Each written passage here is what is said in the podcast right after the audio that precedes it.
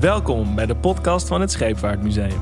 De IJskast. In deze podcast gaan wij Tim en Paul, met echte experts op expeditie naar verhalen over Willem Barent, klimaatvluchtelingen Russische ijsbrekers. en nieuwe mogelijkheden in het Noordpoolgebied. Dus trek je winterjas en skisokken aan. Het wordt koud, koud, koud.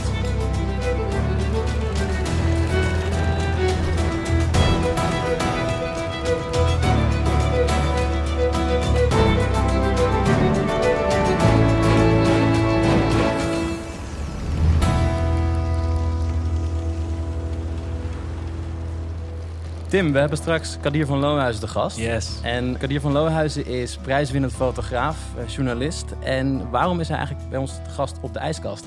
Omdat hij in onze tentoonstelling zit. Hij zit in onze tentoonstelling en ehm, hij heeft heel veel gedaan met de Arctic. Ja, en hij zit bij ons in de tentoonstelling met zijn werk over ja, de stijgende zeespiegel en het veranderende klimaat. Ja, stijgende zeespiegel is voor mij altijd toch wel een klein jeugdtrauma. Want ik, eh, ik kom uit Almere, ik ben daar opgegroeid.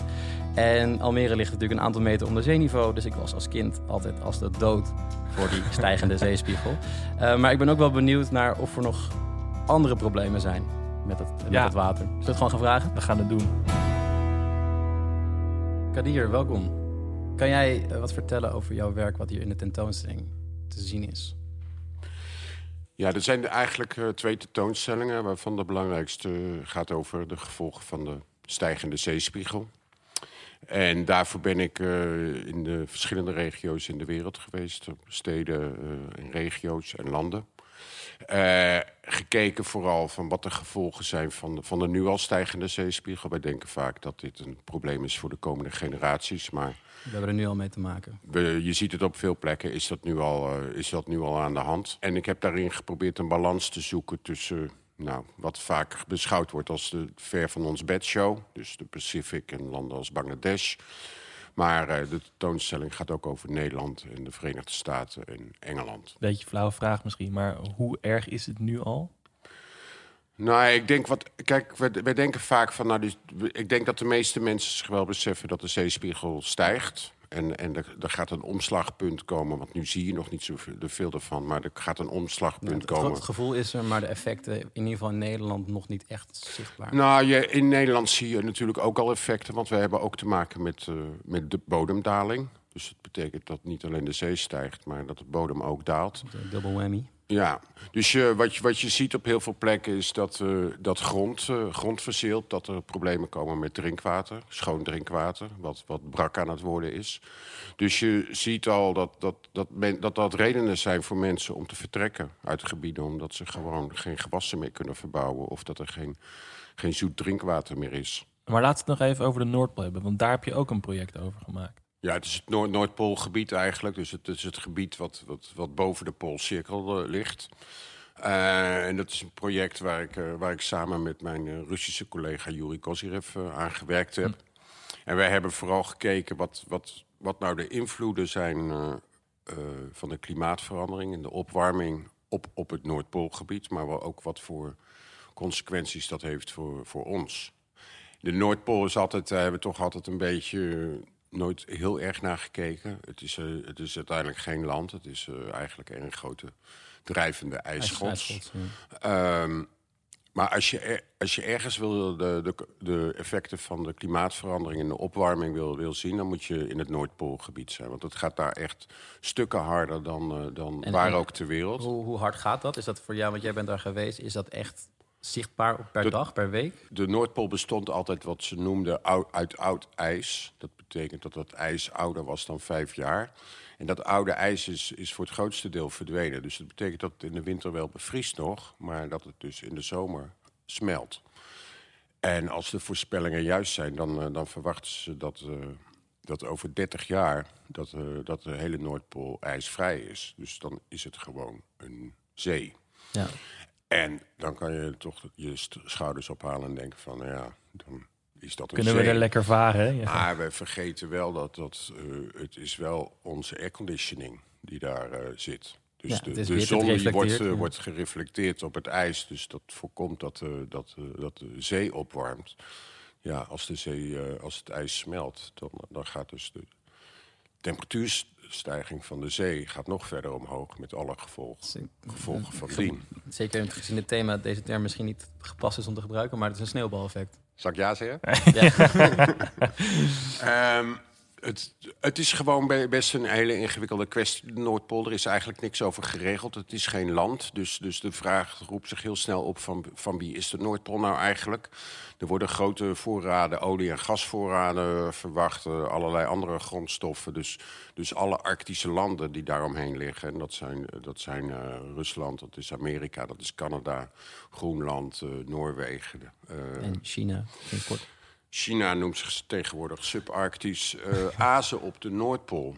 En eh, ja, het, dat zou toch heel makkelijk om, eh, op, tot een nieuwe Koude Oorlog kunnen leiden, om het maar even zo te zeggen. Dat de scheepvaartroutes open gaan en dat, dat, dat het daardoor heel veel sneller is om van Rotterdam naar Shanghai te varen dan zoals dat nu gaat via het Suezkanaal, is voor een deel een groot voordeel, want er is minder uitstoot. die, die, die vaartijden zijn veel korter. Ja. Maar goed, het brengt ook allemaal risico's met zich eh, mee. Want het is een heel erg gebied wat, wat nog altijd moeilijk bereikbaar is. Dus als er een, eh, een ramp is met een olietanker bijvoorbeeld. Dat is nu al, als, als er nu al iets gebeurt met een olietanker of een boorplatform, is het natuurlijk eh, dramatisch. Maar zeker Ja, dat als dat ergens daar, aan, ja. de, aan de noordkust van eh, Siberië gebeurt... dan zal het heel lang duren voordat er echt een operatie op gang is gezet... met, met alle gevolgen van dien. En eh, jij noemde net Yuri Kozirev, jouw collega, daar heb je dit project mee gedaan. Of dus daar ben je nog steeds mee bezig. Het is een ongoing eh, project. Heb je een idee wanneer dit af is? Wanneer kunnen wij als publiek dit gaan zien of dit mee gaan maken? Op 4 oktober ga je dit meemaken. Dus het is inderdaad eh, work in progress. Maar ehm, eh, omdat wij denken dat dit, dat zo belangrijk is om aandacht te besteden aan wat er gebeurt in het Noordpoolgebied. En vooral dat er iets moet afgesproken worden, hoe, hoe het allemaal geregeld moet worden. Maar eh, een, belangrijk deel van het werk kan je vanaf 4 oktober zien. Ja, dus als, we, Ehm. als we het hebben over de, tenminste in Nederland is het vaak de, de, de, de zee komt eraan, die is aan het stijgen en we moeten de dijken op gaan, op gaan hogen. Dat is het grote probleem eigenlijk. Maar is er voor Nederland naast dan dat misschien de, de, de landbouwgrond gaat verzilten, zijn er nog andere zaken aan de hand? Nou, ik denk wat wij een beetje vergeten zijn in Nederland is dat we in een delta wonen. Dus eh, wij zijn een beetje het afvoerputje van, eh, van West-Europa. Eh, daar komen grote rivieren komen hier uit in het land. En dat hebben we allemaal ingedijkt. Hè. Er liggen, behalve Prachtige zeedijken, liggen ook rivier, Ja. rivierdijken. Maar wat we vergeten is dat niet alleen de zeespiegel stijgt... maar als de zeespiegel stijgt, kunnen straks de rivieren ook niet meer afvoeren. Nee, die komen dan tegen een muur van water op en die Ja, terug. dus als ja. je, als je niks doet, dan gaat dat water zoekt natuurlijk zijn weg. En dat betekent dat het dus ook vanuit het achterland gaat overstromen. Er wordt natuurlijk, hè, we, we investeren 1% van ons bruto nationaal product in, eh, in, in water. Eh, dus in kustbescherming en, en ook, ook in, natuurlijk in, in ons drinkwater. Eh, en daar zal wel wat moeten gebeuren. ja, dat is toch helemaal niks, 1%. Nee, nou ja, het is nog altijd 8 miljard. Maar toch, Eh, zeg maar, als we nog 99 andere procenten Nee, dat, dat gaat dus echt. eh, we hebben 18.000 kilometer dijk in, eh, in Nederland. Dat zijn de zeedijken en de rivierdijken. En ja, gewoon verhogen is het. Als je een dijk verhoogt, betekent dat je ook het taluut, dus de basis, moet verbreden. verbreden, dat ja. betekent dat er meer ruimte nodig is, dat er meer grond nodig is. Dus we, dat geldt niet alleen voor ons, maar ook elders op de wereld, dat de klok wel aan het tikken is. En als de voorspellingen juist zijn, en die zijn op het moment nu dat we ook Nederland rekening moet houden met 1 tot 3 meter zeespiegelstijging tegen het eind van de eeuw, dat is toch gewoon over 80 jaar al, Ehm, dan hebben we wel haast. Ja, en even, even visualiseren, als de zeespiegel 1 tot 3 meter gaat stijgen in Nederland, tot waar is dan de kustlijn? Dan hebben we het over Apeldoorn. Ja, met drie meter, Drie meter eh, in Limburg. be- begint, het, begint het wel op Wordt het. Limburg Nou, ik zee. denk dat we daar nog wel meer voor nodig hebben, hoor. Dat, dat, eh, om, om Apeldoorn aan zee te vinden.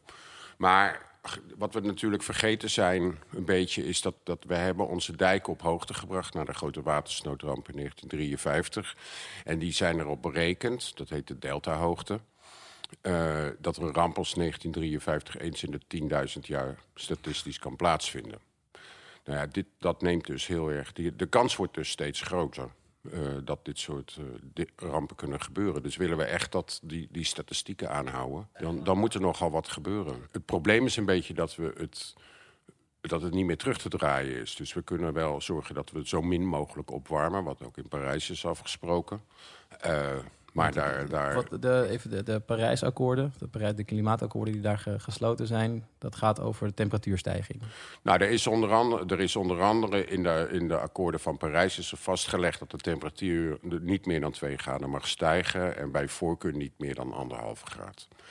Nou, daar komen we dus gewoon nog niet in de buurt. Dus het probleem is dat, dat het smelt en de zeespiegel stijgt. Dat, dat staat vast. De vraag is alleen hoe snel dat gaat. En dat gaat, hè, dus hoe, meer, hoe sneller wij het laten stijgen, hoe sneller dat, dat gaat. Het omslagpunt dat we het nog hadden uh, terug kunnen draaien... dat uh, hebben we al lang achter ons gelaten. Dat was midden jaren tachtig. Dat is inmiddels ook alweer een behoorlijke tijd geleden. Dus uh, wat we vaak horen of wat we vaak zien... is dat het, van, het is nu vijf voor twaalf. We moeten nu gaan opschieten met nadenken over wat we gaan doen hierover. Maar eigenlijk is het dus al te laat. Het is onkeerbaar. Ja, ja, ja. Het, kijk, we, Nederland kan wel dealen met een meter uh, stijging. Maar drie meter wordt wel echt, uh, echt problematisch. Dus ik denk dat we, wat ik eerder zei... ik bedoel, de, de zee heeft eerder veel hoger gestaan... maar we zijn wel een beetje ons aanpassingsvermogen verloren. Dus de, het, het idee dat wij misschien zouden... dat we ergens anders naartoe zouden moeten dat Amsterdam uh, opgegeven moet worden, is toch een heel erg moeilijk verhaal voor mensen. Ja, die gaan hier niet zomaar, eh, zomaar weg. Die willen niet. Maar het is wel misschien aanhaken op het, een, ander, ander uh, punt dan natuurlijk de ecologische effecten, maar ook de humanitaire aspecten hiervan. Want er zijn dus gewoon klimaatvluchtelingen. Ja, dat gaat een heel. Er, er zijn inmiddels al klimaatvluchtelingen. Het probleem is een beetje dat, uh, dat als jij asiel aanvraagt op grond van klimaat, dan uh, dat is, is gewoon nog niet erkend. Daar, daar zal je geen asiel op krijgen. Um, maar de, wereld gaat, gaat hele grote stromen klimaatvluchtelingen zien. En in de toekomst zijn wellicht de Nederlanders daar. Misschien wel de grootste groep van, ja, toch? Of niet? Nou, niet, nee, want ik denk, wat, als je kijkt naar landen als, eh, als Bangladesh en zo... dan, dan, dan gaat het om grotere aantallen. Um, de, een, bij, een, bijkomend aspect en een, en een, probleem is... Wat, waar eigenlijk niet goed over nagedacht is nog... dat er gewoon ook een aantal landen zullen verdwijnen. Dat zou mogelijk in de verdere toekomst Nederland kunnen zijn... maar dat is in de zeer nabije toekomst geldt dat zeker voor landen als in de, in de Pacific... zoals Kiribati en Tuvalu en de Marshall-eilanden... en de Malediven. Uh, dus er zijn veel landen die, die uiteindelijk zullen verdwijnen. En daar is eigenlijk volkenrechtelijk is daar helemaal niks over Er is geen Verenigde Natie Charter over... Nee, dus wat doe je met een volk wat zijn land verliest? Ja, um, ja. Een vrij absurde situatie, inderdaad. Ja. Dus we zullen hier wel wat beter over na moeten gaan denken. En uh, hoe, hoe wij hiermee omgaan. Wordt er, uh, naar jouw inzien, als je zegt van we moeten er beter over gaan nadenken, maar zijn er stappen die nu bijvoorbeeld in de politiek of uit het bedrijfsleven gemaakt worden? Ik denk van, god, dit, dit geeft toch wel hoop.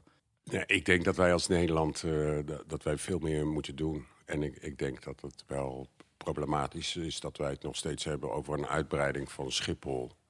En dat wij nog steeds denken dat we allemaal in een auto moeten rijden die, uh, die op benzine rijdt. En dat we ook 130 willen rijden. En dat, dat we nog maar een vliegveld moeten hebben. Ja. Maar dat is wel lastig, toch? Want dat raakt aan het leven van heel veel personen. Dat mensen nou, dan... Het raakt aan het leven van heel veel personen. Wij, wij gaan er uh, vanuit dat, dat welvaart gekoppeld is aan Precies. economische groei. Dus als, en dat je als wij Bali economisch groeien, gaat. dan gaat het goed met ons. En ik denk dat we op een gegeven moment moeten accepteren dat, dat de groei eruit is en dat we moeten stabiliseren.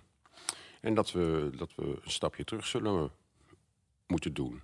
Willen we deze planeet nog leefbaar houden? Heb jij dan niet, vanwege jouw werk reis je natuurlijk ook de hele wereld over. Heb je daar niet soms dat je denkt, goh, dat, uh, ja, wat vind ik er eigenlijk van?